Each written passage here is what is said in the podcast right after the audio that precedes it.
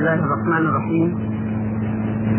الحمد لله رب العالمين والصلاة والسلام على سيد المرسلين. أبنائي وإخوتي السلام عليكم ورحمة الله وبركاته.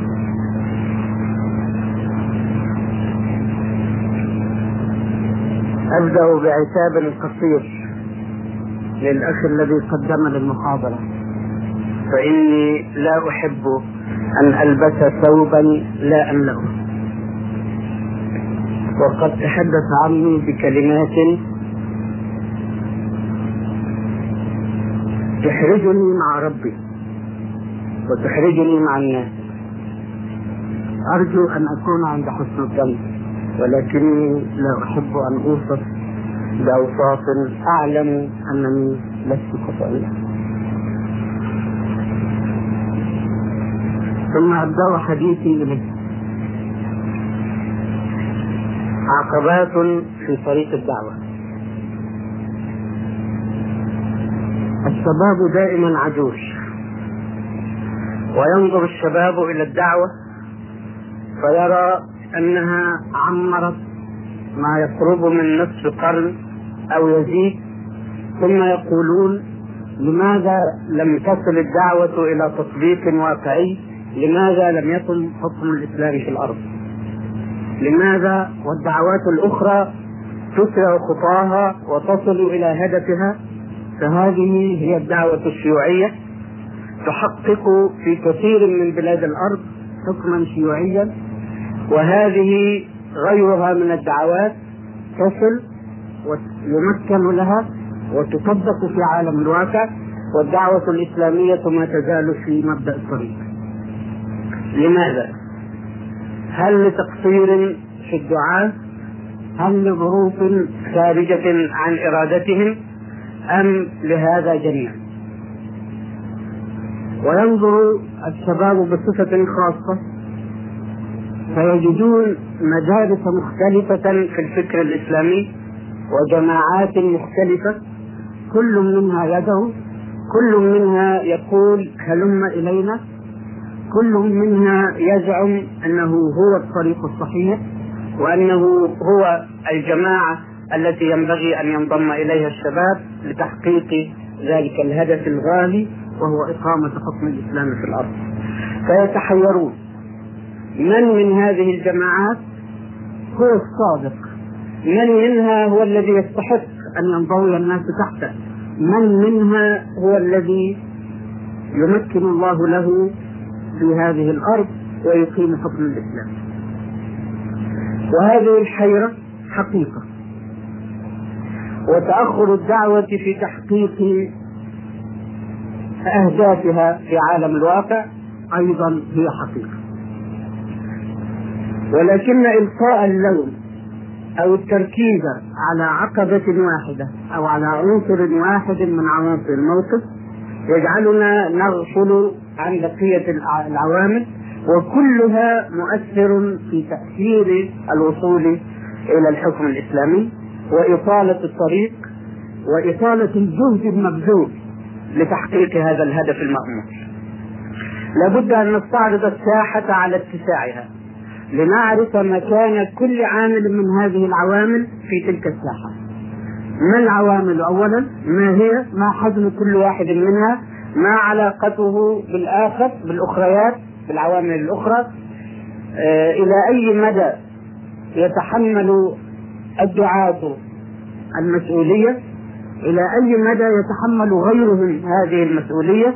نريد أن نبحث كل ذلك في هذه المحاضرة في عجالة لا تقف طويلا عند كل عنصر إنما تستعرض العناصر كلها بقدر الإمكان.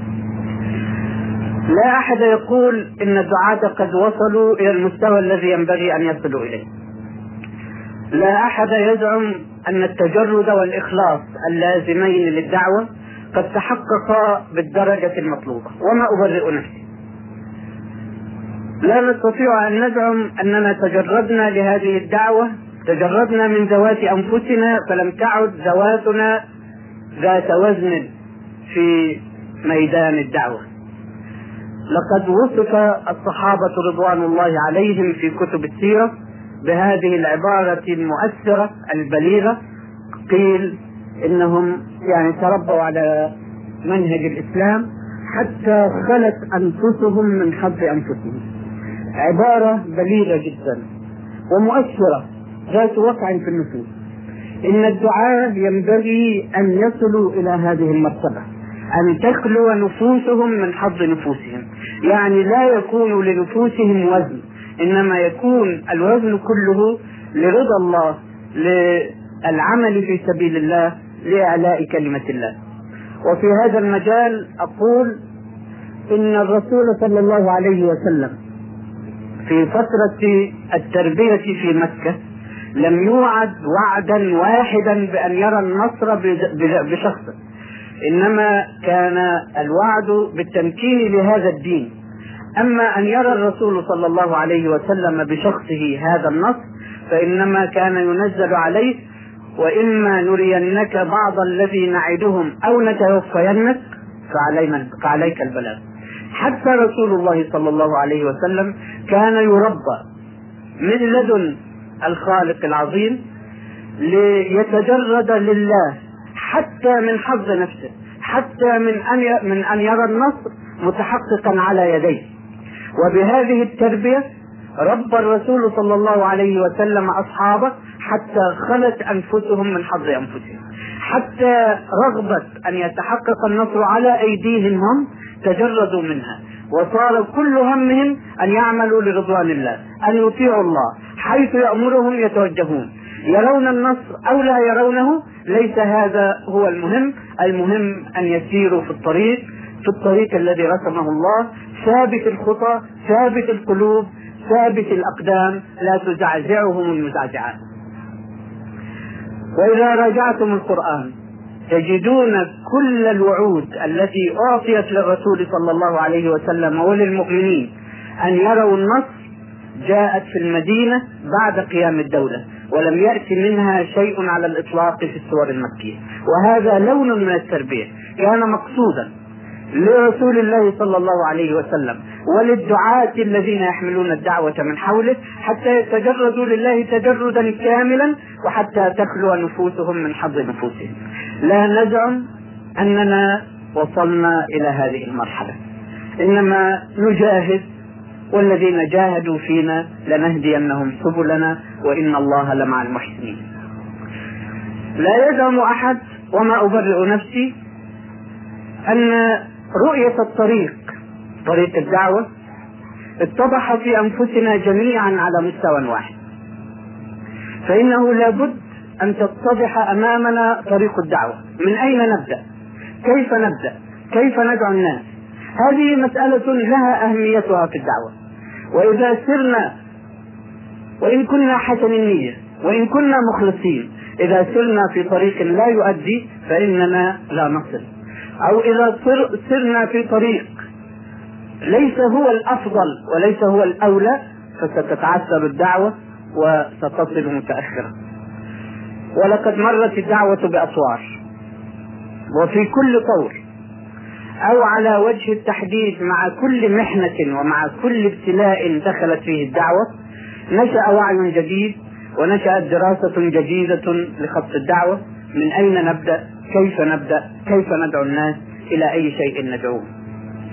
وأضرب مثالا. لقد مرت الدعوة بمرحلة كان يظن فيها بإخلاص أن الانتشار الجماهيري يسرع من خطى الدعوة. وأننا في حاجة إلى الاستكثار من الجماهير أكثر من حاجتنا إلى الطريق الطويل الطريق البطيء الذي يربى فيه أفراد قلائل. فيكونون نماذج عالية ثم يأتي بعد ذلك دور دعوة الجماهير. وكان القائمون بالأمر مخلصين إخلاصا كاملا. وهم يرتبون الدعوة على هذا الطريق. ثم جاءت المحنة الأولى والثانية والثالثة فأثبتت أن ذلك لم يكن هو الطريق الأصوب. فإن الاستكثار من الجماهير الذين لا تتاح لهم فرصة التربية الحقيقية لأن التربية عنصر هام في الدعوة والتربية لا تسلق سلقا ولا يمكن استعجالها. ليست هناك مصانع تخرج الرجال. إلا تلك المصانع التي جعلها الله للابتلاءات والمحن والجهد المتواصل والمعاناة من خلال ذلك يتربى المسلمون. أما التربية بالخطب بالوعظ بالكتب بالمحاضرات بالدروس فإنها تأتي بخلق كثير ولكنهم لا يستطيعون أن يأخذوا حظا حقيقيا من التربية. التربية لا تتم إلا في نطاق ضيق. وإذا عدنا إلى منهج الدعوة الأول وإلى ما حدث مع الرسول صلى الله عليه وسلم. الرسول صلى الله عليه وسلم أعظم شخصية في تاريخ البشرية على الإطلاق. ليس بمستوى البشر العاديين فقط بل على مستوى الأنبياء أيضا. هو سيد الأنبياء وهو صلى الله عليه وسلم أكمل نفس بشرية عرفتها البشرية. فكم ربى في ثلاثة عشر عاما؟ في مكة. هل ربى ألوفا ومئات الألوف؟ أم ربى أفرادا؟ لو كانت تربية الكثيرين نصرا للدعوة وعزا للدعوة وسندا للدعوة ما ظن الله سبحانه وتعالى على نبيه الكريم بالكثرة الكاثرة تلتف حوله. ولكن هذه سنن سنن ربانية قد نجهلها قد لا نلتفت إليها فتردنا المحن والابتلاءات إليها. إن النهج الذي سارت فيه الدعوة بقدر من الله سبحانه وتعالى أنه لا يدخل فيها في مبدأ الأمر إلا فئة قليلة جدا. تدخل والنار موقدة. ويعرف كل داخل أنه داخل على الابتلاء داخل على الفتنة داخل على المحنة. فلا يدخل إلا صاحب الإيمان القوي الحقيقي المخلص الذي دخل وليس في قلبه ذرة من تعلق بأي شيء على على الإطلاق إلا الحق إلا الله سبحانه وتعالى إلا الدعوة إلا الطريق المؤدي إلى الجنة في الآخرة.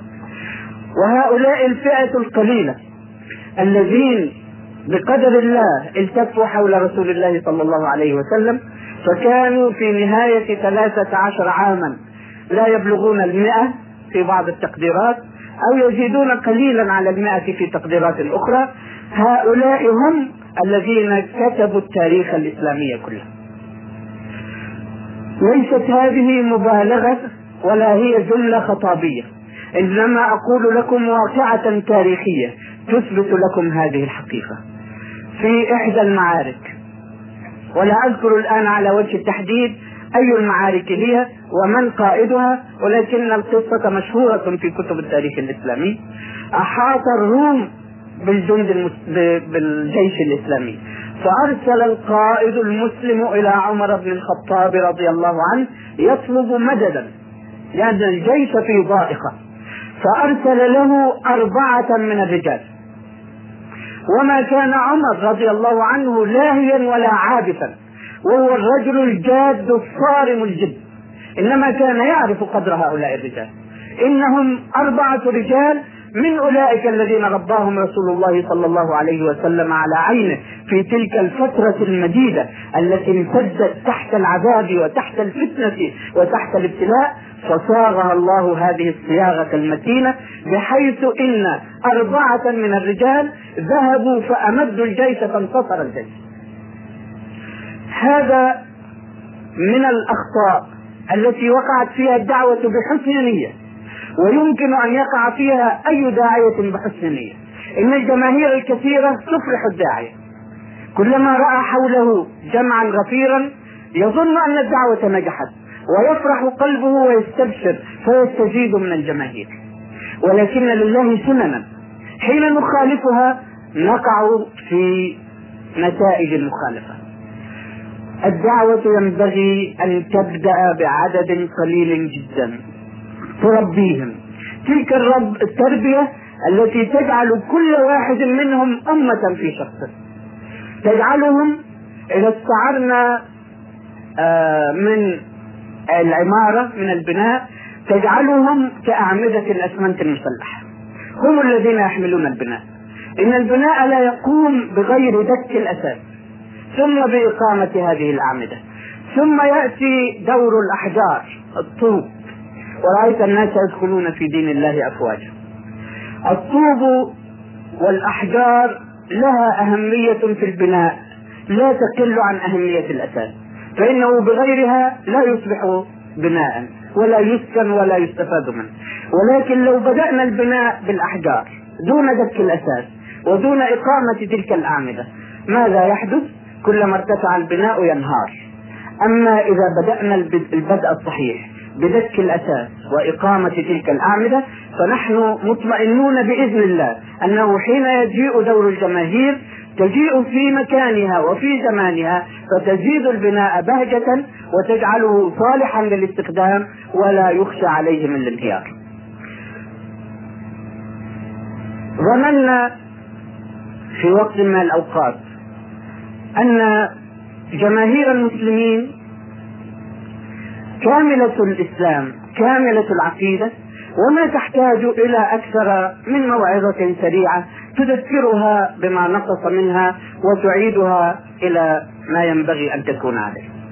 وسرنا في خط الدعوة سنين على هذا الافتراض. ولكن الابتلاءات كشفت لنا أن أمرا خطيرا جدا ينقص هذه الجماهير وأنه لا يمكن البدء بالوعظ لا يمكن البدء بدعوتهم إلى الصلاة والصيام. فإن هناك أشياء قبل هذا وأهم من هذا تنقص هذه الجماهير. إن لم نبدأ منها فلا فائدة من هذا البناء المتطاول الذي يمكن أن ينهار في لحظة. وأذكر لكم لا لشيء إلا لأقول لكم كيف كيف صحح طريق الدعوة من خلال الابتلاءات؟ لا أريد ذكر أشخاص ولا أريد التحدث عن أشخاص ولكن الحديث يكرهني أن أضرب مثالا من الواقع. وقع الدعاة في مصر في مذابح متوالية ولكني أذكر بالذات مذبحة عام أربع وخمسين للميلاد. وقعت المذبحة مفاجئة وعدوانا كاملا بغير مقدمات وعلى إساس اتهام الدعاة باطلا بأنهم دبروا مؤامرة لقتل الرئيس. ويعلم الله وقد كشف اليوم عن أسرار هذه المسرحية أنها كانت مسرحية مدبرة والذين قاموا بها اعترفوا على مدى الزمن أنهم هم الذين خططوها. وقعت المذبحة للمسلمين الذين ينادون بتحكيم شريعة الله. ولا جرم لهم في الحقيقة إلا أنهم ينادون بتحكيم شريعة الله. وعذبوا في السجون عذابا بشعا لا مثيل له في التاريخ الماضي كله إلا ما صنعته محاكم التفتيش في الأندلس لإبادة المسلمين إبادة كاملة وطردهم من الأندلس. وليس له مثال في اللاحق إلا ما يحدث الآن في حماة وفي بلاد الله الصامدة بإذن الله.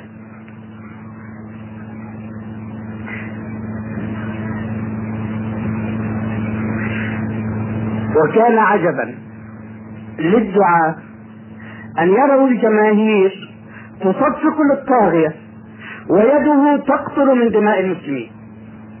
كان عجبا. لا يمكن تفسيره.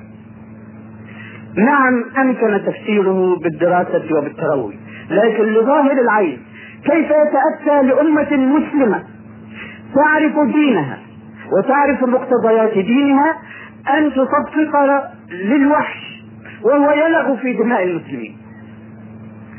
هل يمكن أن يكون هؤلاء على وعي حقيقي بإسلامهم وبمقتضيات هذا الإسلام؟ ما يمكن. لو كانوا كذلك لعرفوا أين الحق. ما الذي يأمر الله به؟ إن الله يأمر بإقامة شريعته في الأرض. فمن المجرمون؟ أهم الذين ينادون بتطبيق شريعة الله أم الذين يحاربون الدعوة إلى تحكيم شريعة الله ويرفضونها رفضا؟ من المجرمون بمقياس الله سبحانه وتعالى وبميزانه؟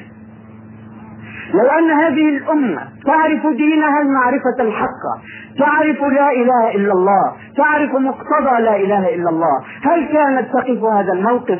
هل كانت تصفق للطاغية ويداه تقطران من دم المسلمين؟ لا يمكن. فمن خلال الابتلاء من خلال الدم من خلال المعاناة تبين أن هذه الجماهير بصرف النظر عن حكمها في ميزان الله سبحانه وتعالى.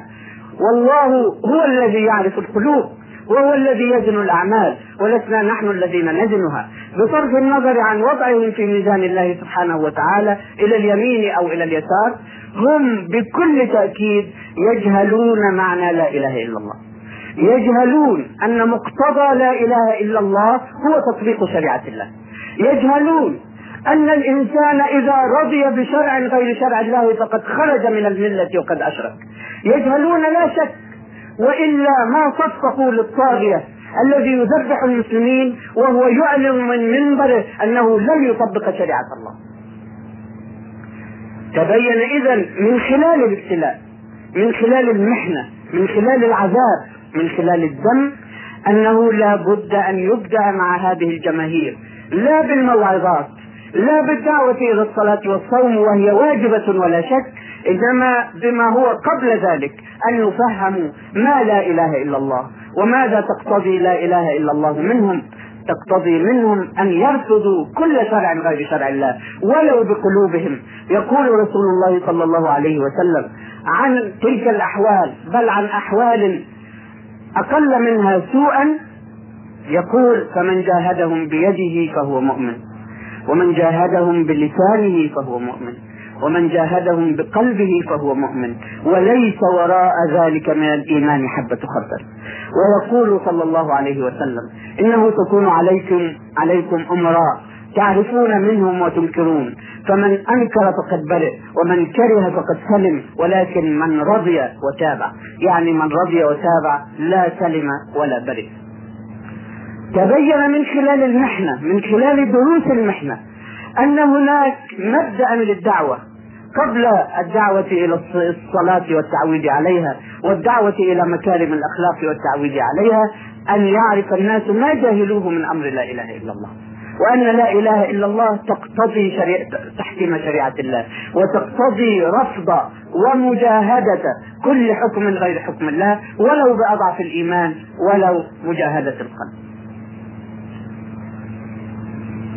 ما نزعم أننا بريئون من الخطأ وما نزعم أننا بريئون من التقصير وما نزعم أننا وصلنا إلى المستوى الذي ينبغي للدعاة من التجرد الخالص لله وما أبرئ نفسي.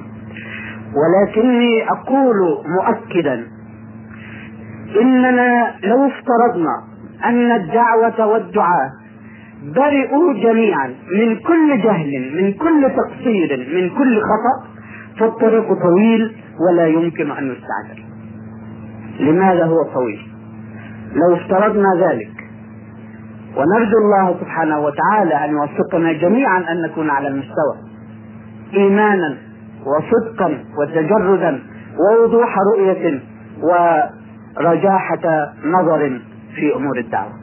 أقول لو تحقق ذلك كله فإن العجلة التي يستعجلها الشباب حين يقولون مر على الدعوة نصف قرن ولم تحقق أهدافها بينما الدعوة الشيوعية تحقق وبينما الأولاد العساكر في كل مكان يقيمون دولا التشبيه مع الفارق وينبغي أن يعرف الفارق. لماذا تتأخر الدعوة؟ لأن هناك عوائق. عوائق كثيرة عقبات. إذا انتهينا من أمر الدعاة والدعوة في تلك الكلمات فلننظر في العقبات الأخرى. واضح بلا شك أن العدو الخارجي عقبة وعملاؤه الذين ينوبون عنه في التنكيل بالمسلمين وتعذيبهم وتقتيلهم ويصل الأمر بهم إلى انتهاك الأعراض ويحملون أسماء مسلمة أو يدعون أنهم مسلمون. وهم يصنعون ذلك. أقول واضح بكل تأكيد أن هذه عقبة في الطريق ولكني لا أحب أن أبدأ بهذه العقبة. هذه العقبة التي كثيرا ما نشير إليها لتبرير أو لتفسير تأخر الدعوة في تحقيق أهدافها نقول الأعداء يصنعون. لا شك أن الأعداء يصنعون. لا شك أن الأعداء يكيدون. لا شك أن الأعداء لو استطاعوا أن يقتلوا كل داعية من الدعاة بشخصه بحاله لقتلوه. ولكن متى كان الأعداء على غير ذلك؟ إن عمر هذه العداوة وعمر هذا الكيد هو أربعة عشر قرنا. أعني أنها بدأت منذ بدأ هذا الدين. ولقد قرر منزل الكتاب جل وعلا في كتابه الكريم هذه الحقائق واضحة عن أعداء لا إله إلا الله حددهم من هم بأعيانهم بصفاتهم بأهدافهم بوسائلهم قبل أربعة عشر قرنا. استمعوا إلى قوله تعالى. ولن ترضى عنك اليهود ولا النصارى حتى تتبع ملتهم. استمعوا إلى قوله تعالى ولا يزالون يقاتلونكم حتى يردوكم عن دينكم إن استطاعوا. استمعوا إلى قوله تعالى ود كثير من أهل الكتاب لو يردونكم من بعد إيمانكم كفارا حسدا من عند أنفسهم من بعد ما تبين لهم الحق. استمعوا إلى قوله تعالى ودت طائفة من أهل الكتاب لو يضلونكم. وقوله تعالى وقالت طائفة من أهل الكتاب آمنوا بالذي أنزل على الذين آمنوا وجه النهار واكفروا آخره لعلهم يرجعون ولا تؤمنوا إلا لمن تبع دينكم الحقائق واضحة عن أعداء لا إله إلا الله حددهم من هم بأعيانهم بصفاتهم بأهدافهم بوسائلهم قبل أربعة عشر قرنا استمعوا إلى قوله تعالى ولن ترضى عنك اليهود ولا النصارى حتى تتبع ملتهم. استمعوا إلى قوله تعالى ولا يزالون يقاتلونكم حتى يردوكم عن دينكم إن استطاعوا. استمعوا إلى قوله تعالى ود كثير من أهل الكتاب لو يردونكم من بعد إيمانكم كفارا حسدا من عند أنفسهم من بعد ما تبين لهم الحق. استمعوا إلى قوله تعالى ودت طائفة من أهل الكتاب لو يضلونكم وقوله تعالى وقالت طائفة من أهل الكتاب آمنوا بالذي أنزل على الذين آمنوا وجه النهار واكفروا آخره لعلهم يرجعون ولا تؤمنوا إلا لمن تبع دينكم اسمعوا لقوله تعالى يا أيها الذين آمنوا لا تتخذوا بطانة من دونكم أي من غيركم. لا تتخذوا بطانة من دونكم لا يألونكم خبالا ودوا ما عنتم. قد بدت البغضاء من أفواههم وما تخفي صدورهم أكبر. قد بينا لكم الآيات إن كنتم تعقلون. واستمعوا واستمعوا واستمعوا إلى ما قال الله في كتابه المنزل. أليس هؤلاء هم الأعداء؟ أليست هذه أهدافهم؟ أليست هذه مخططاتهم؟ بلى. إن أعداء الله كما حددها كتاب الله فئات أربع اليهود والنصارى والمنافقون والمشركون. وكلهم يريدون الشر لهذا الدين ولأصحاب هذا الدين. وكلهم يكيدون نعم عمر هذا الكيد أربعة عشر قرنا. ولكن يقول الله سبحانه وتعالى وإن تصبروا وتتقوا لا يضركم كيدهم شيئا.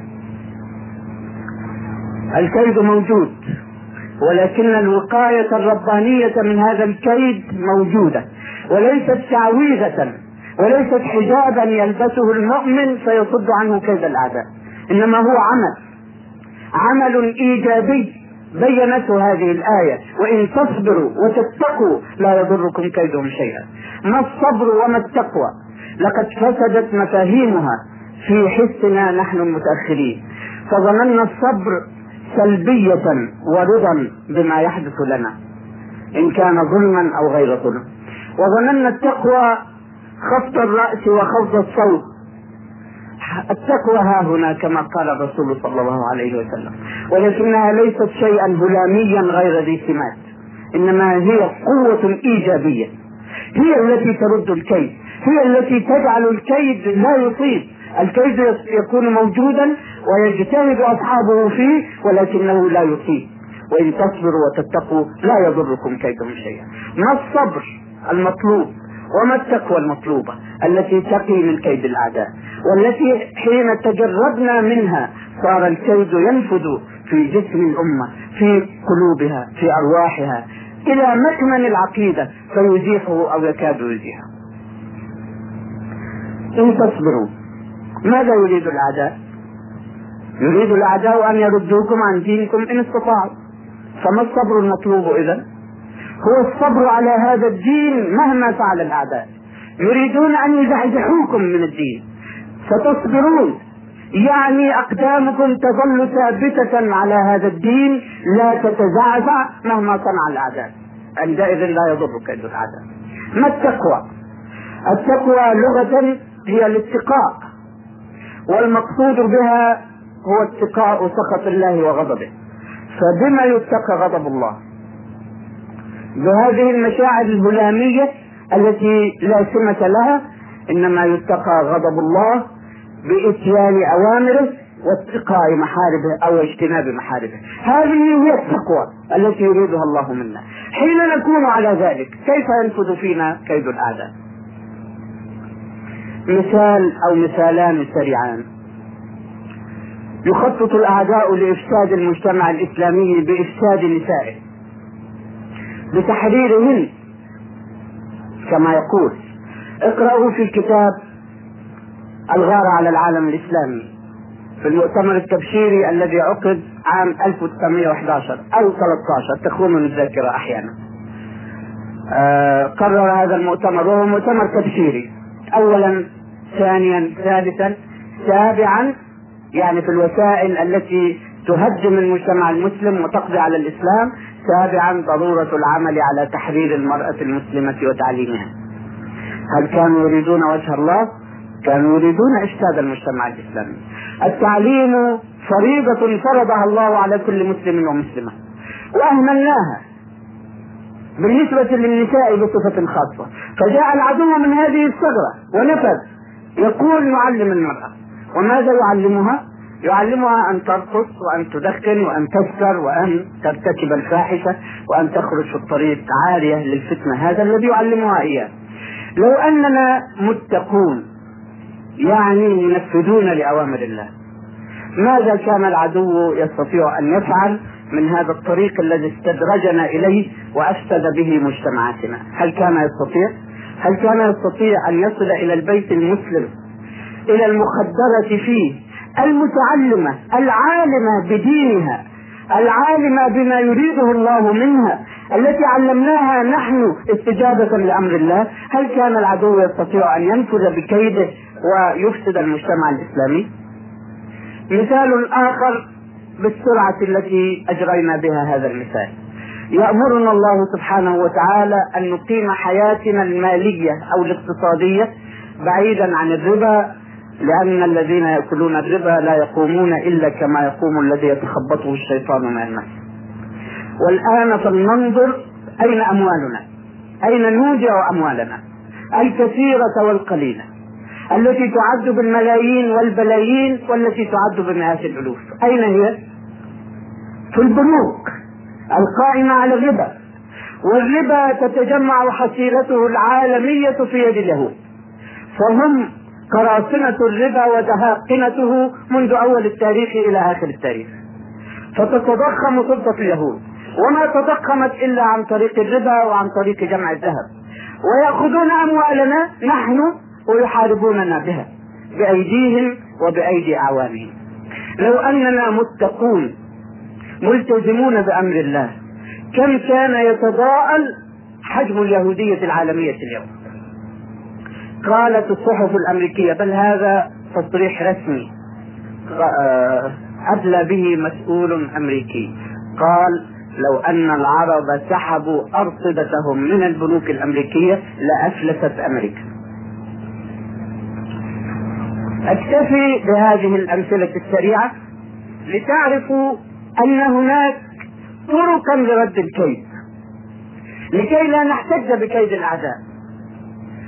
بينها الله سبحانه وتعالى في كتابه المنزل. قال وإن تصبروا وقد بينا الصبر المطلوب وتتقوا وقد بينا التقوى المطلوبة وإن تصبروا وتتقوا لا يضركم كيدهم شيئا. فحين نقول اليوم إن كيد الأعداء عقبة نحن صادقون. ولا شك أن هذا الكيد عقبة كأداء في سبيل الدعوة. ولكن من الذي سمح لهذا الكيد أن ينفذ في جسم الأمة؟ بل في قلوبها وأرواحها بل في مكمن العقيدة. يكاد يزيحها من مكمنها. إنه نحن. ولا ينبغي لنا نحن أقصد الأمة الإسلامية بكاملها.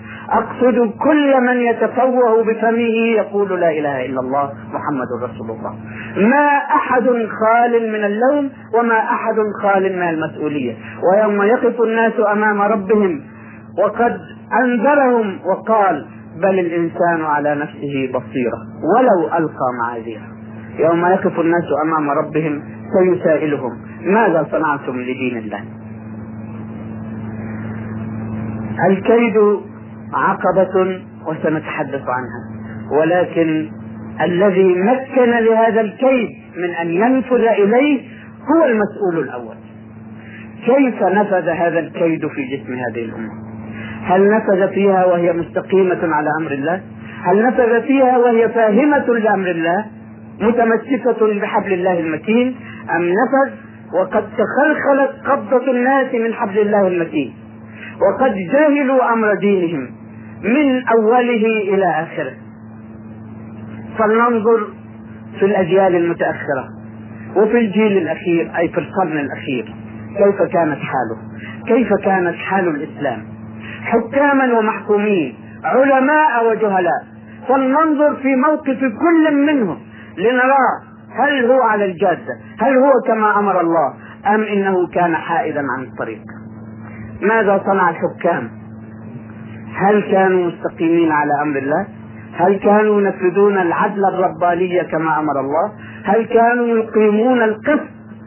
لأن الله أنزل بعث النبيين وأنزل الكتاب لتقوم حياة الناس بالقسط. فهل كانت حياة الناس قائمة بالقسط؟ والعلماء أين كانوا العلماء هم قادة هذه الأمة. هم الذين عليهم أن يبينوا للناس حقيقة الدين ويدعوهم للالتزام بهذه الحقيقة. وهم المكلفون من لدن العزيز الحكيم أن يردوا حكامهم إلى الجاده بالنصيحة لهم بتعريفهم واجب الأمة عليهم. فأين كان العلماء؟ هل كانوا يقومون بدورهم؟ إلا فئة قليلة كانت وما تزال وستظل ظاهرة في الأرض كما وعد رسول الله صلى الله عليه وسلم. إنما أتكلم عن الكثرة الكاثرة ممن حملوا لقب العلماء. أين كانوا؟ لقد انزوى أكثرهم في الدرس والكتاب والمسجد. يقول درسه ويحسب أنه أدى كل ما عليه أو يلقي موعظة ويحسب أنه قد تفضل على الناس بشيء من علمه. ثم لا يقولون كلمة للظالمين. أن كفوا عن الظلم وأدوا الأمانات. بل يسوء الأمر عن ذلك أن يكونوا دعاة للظلم يبررونه.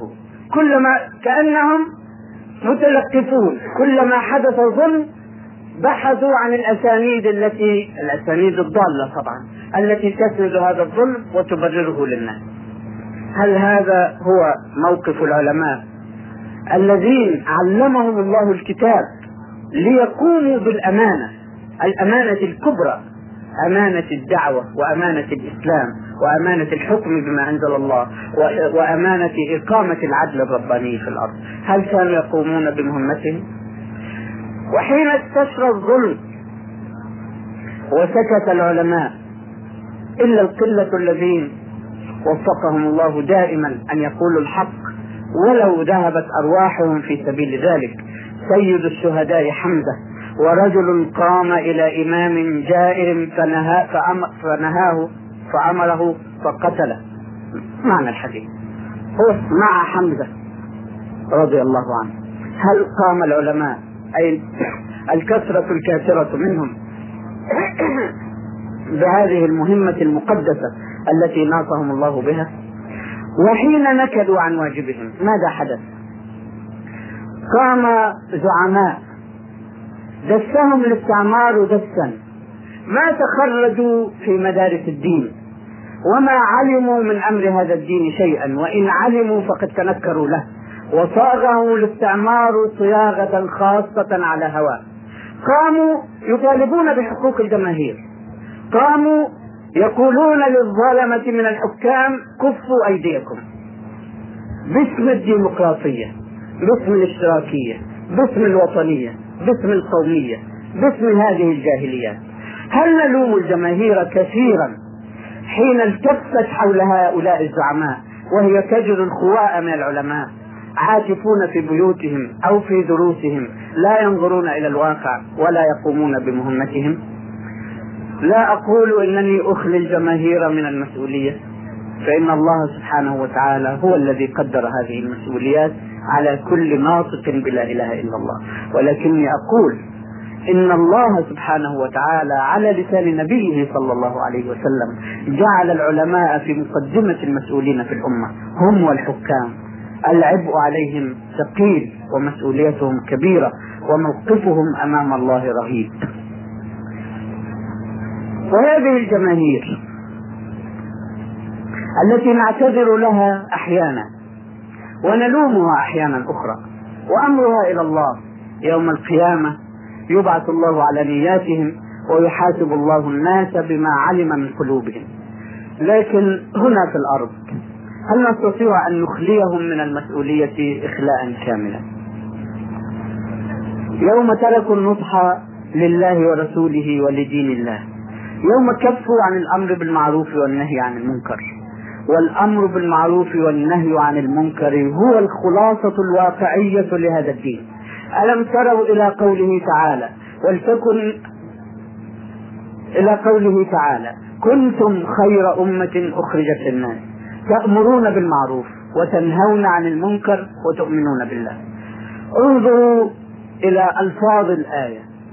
وانظروا كيف تقدم الأمر بالمعروف والنهي عن المنكر لفظا على الإيمان في الآية.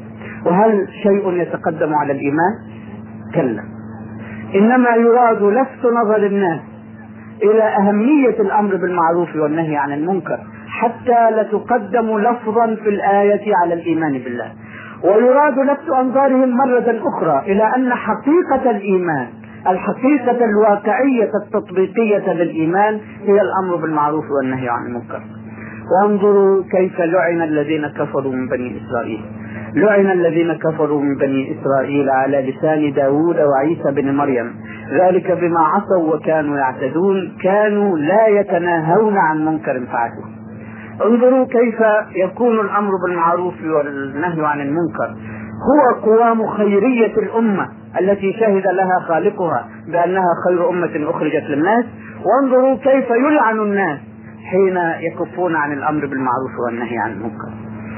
لماذا قعدت الجماهير عن النهي عن الأمر بالمعروف والنهي عن المنكر؟ كيف دخلت الخرافات والبدع حياة الناس؟ لقد جاء وقت على الناس في قرنهم الأخير بصفة خاصة لم يكن لهم للعامة مدخل إلى الدين إلا عن طريق الطرق الصوفية. هذا انحراف ضخم وقع في حياة المسلمين وهو من عوائق الدعوة. لقد أفسدت الصوفية أشياء كثيرة جدا في حياة المسلمين. ولأكن منصفا كما أمر الله أن نكون منصفين فأقول إن الصوفية أدت دورا تاريخيا للإسلام والمسلمين في أفريقيا وفي آسيا. فيوم تنازعت الأمم الإسلامية وتقطعت الأسباب بينها لم يكن يحفظ وحدة الأمة الإسلامية إلا الطرق الصوفية. ولا بد أن نضع هذا في ميزان حسناتها. ولكن سيئاتها أكبر بكثير جدا من أن تنفع هذه الحسنة. إن الصوفية بسلبيتها. دع الآن ما فيها من شبهة الشرك أو الشرك. بتضخم الشيخ في حس المريد. إلى حد أن يكون واسطة بين العبد والرب وهو ما حرمه الله سبحانه وتعالى. دع هذه الآن. وانظر ماذا صنعت.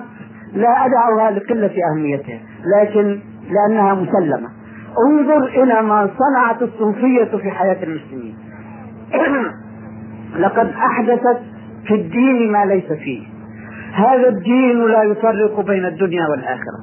يقول رسول الله صلى الله عليه وسلم الدنيا مزرعة الآخرة.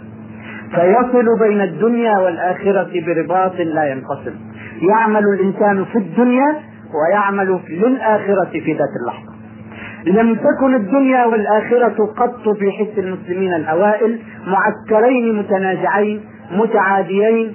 إما أن تسلك طريق الدنيا وتنبذ الآخرة وإما أن تسلك طريق الآخرة وتنبذ الدنيا. ولكن الصوفية صنعت ذلك وجعلت من الدنيا والآخرة معسكرين متقابلين متعاديين. إما أن تعمل لهذه وإما أن تعمل لتلك. وحين توضع القضية على هذا النحو فأيهما أغلى وأيهما أوجب أن يحرص عليه الدنيا أم الآخرة؟ الآخرة بطبيعة الحال. وبهذا الفهم الخاطئ أهملت الدنيا إهمالا كاملا في وهمهم ليتقربوا إلى الله. فأهملت الزراعة وأهملت الصناعة وأهمل التعليم وأهملت التكنولوجيا وأهملت علوم الأرض كلها لأنها تابعة للدنيا. والله فيما يزعمون أمرنا أن نتوجه إلى الآخرة ونترك الدنيا وهذا زعم لأن الله هو الذي قال وابتغ فيما آتاك الله الدار الآخرة ولا تنس نصيبك من حين فعل المسلمون ذلك ماذا حل بهم؟ حل بهم التأخر المعروف الذي نسميه التأخر والتخلف والضعف والجهل الفقر الجهل والفقر والمرض الثلاثي الشهير اللي يتكلموا عنه في الصحف. التخلف المادي التخلف التكنولوجي التخلف العلمي التخلف الحربي. وكان الأعداء بما تعلموا من علوم المسلمين يصعدون صعدا في سبيل القوة. فماذا حدث؟ أغار أعداء الله على بلاد الإسلام واحتلوها ودنسوها بأقدامهم ثم جاءوا بما نطلق عليه الغزو الفكري ليزيحوا المسلمين عن الإسلام. من المتسبب في هذا؟ من المسؤول عنه؟ الأعداء هذا شأنهم. يريدون القضاء على هذا الدين. لا يستغرب منهم أن يصنعوا ذلك. ولكن من الذي مكن لهم؟ نحن المسلمين الذين مكنا لهم.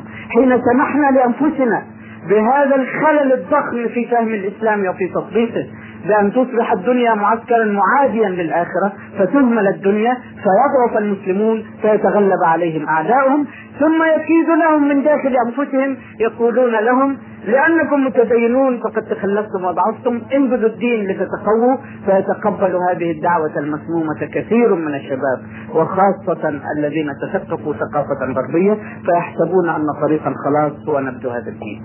كل هذه عوائق. الدعوة اليوم تواجه هذا كله. تواجه الحصاد المر. تواجه حصاد سبعة قرون على الأقل من الانحراف والتخلف. هل يعقل؟ هل يتصور؟ حسب السنة الجارية. أن يتم تطهير ذلك كله في سنوات قليلة. ولو كان الدعاة على أعلى مستوى. ولو كانوا متجردين كل التجرد. ولو كانوا لا يخطئون في تقديرهم ولا تختل قدرتهم على الرؤية. هل يتصور حسب سنة الله الجارية أن ينمحي هذا كله في سنوات قليلة أقول إن لله سنة خارقة وسنة جارية وكلاهما من سنن الله سبحانه وتعالى. وحين يريد الله أن يستخدم سنته الخارقة فمن الذي يمنعه؟ من الذي يستطيع أن يمنعه؟ إذا أراد الله سبحانه وتعالى أن ينصر المسلمين صباح الغد وأن يمكن لدينه في الأرض بغير أسباب على الإطلاق. هل تقف قوة في الأرض أمام مشيئة الله؟ كلا. ولكن أمرنا أن نتعامل مع السنة الجارية لا أن نتكل على السنة الخارقة. انظروا إلى قوله تعالى ولا يحسبن الذين كفروا سبقوا إنهم لا يعجزون. في سورة الأنفال. ما معنى هذه الآية؟ معناها أن الله سبحانه وتعالى قضى على الكفار أن كيدهم مردود في نحورهم أنهم لن يفلحوا أن هذا الدين ممكن في الأرض أن الأعداء لن يستطيعوا أن يقفوا في طريقه ولا أن يسبقوا قدر الله. والآية التالية ما هي؟ وأعدوا لهم ما استطعتم من قوة ومن رباط الخير. مع تقرير الله سبحانه وتعالى أن هذا قدر مقدور لا راد له يقول وأعدوا لهم ما استطعتم من قوة. تلك هي السنة الجارية. هو الذي أيدك بنصره وبالمؤمنين. أما كان يكفي أن يقول الله سبحانه وتعالى لرسوله صلى الله عليه وسلم هو الذي أيدك بنصره إن ينصركم الله فلا غالب لكم. من يغلب رسول الله صلى الله عليه وسلم حين يؤيده الله بنصره؟ ولكن الله يعلمنا يقول هو الذي أيدك بنصره وبالمؤمنين وتلك هي السنة الجارية. ليعلمنا أنه لا بد من جنود لهذا الحق. يفدون هذا الحق بأنفسهم لينصر الله هذا الحق. ولو شاء الله لانتصر منهم ولكن ليبلو بعضكم ببعض. هذه هي السنن الربانية. وأنا أتحدث عن السنة الجارية. أما السنة الخارقة فمن يمنعها؟ إذا شاء الله أن ينصر دينه في هذه اللحظة بغير جند وبغير أسباب على الإطلاق. ولكن أمرنا أن نتبع السنة الجارية ولا نغلق قلوبنا من الرجاء في وجه الله ماذا تقول السنة الجارية؟ هل يمكن أن انحراف سبعة قرون؟ هل يمكن أن هذا الفساد العظيم الذي حدث في حياة المسلمين لا في السلوك فقط ولكن في التصورات أيضا. لو أنه فساد في السلوك فهو عظيم وهو كبيرة عند الله. ولكن الرجعة إلى الطريق أيسر لأن المفاهيم سليمة والفساد في السلوك فقط.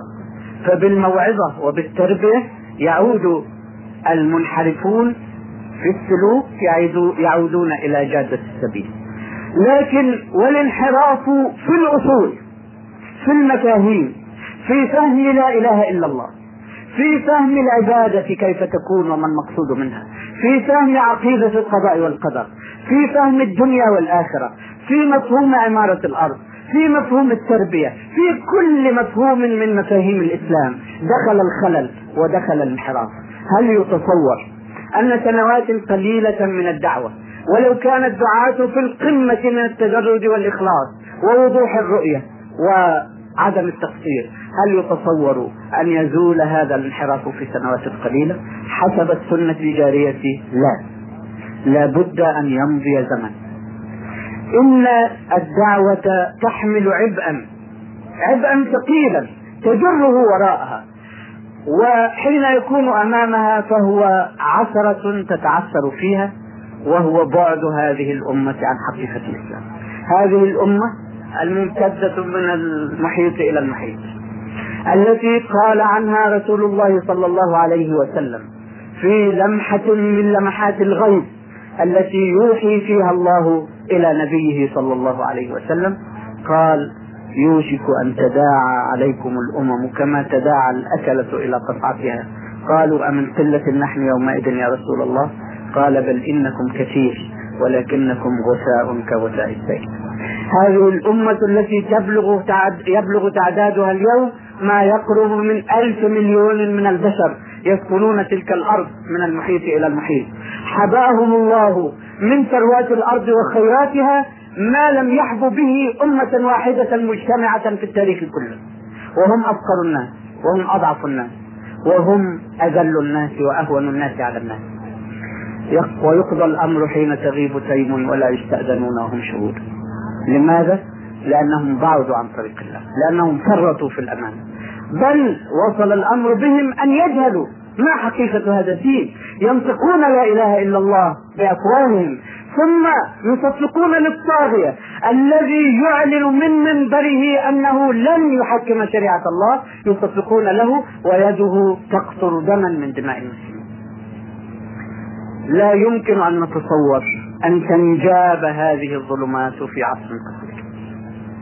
ثم نجيء إلى كيد الأعداء إنه كيد مر خبيث.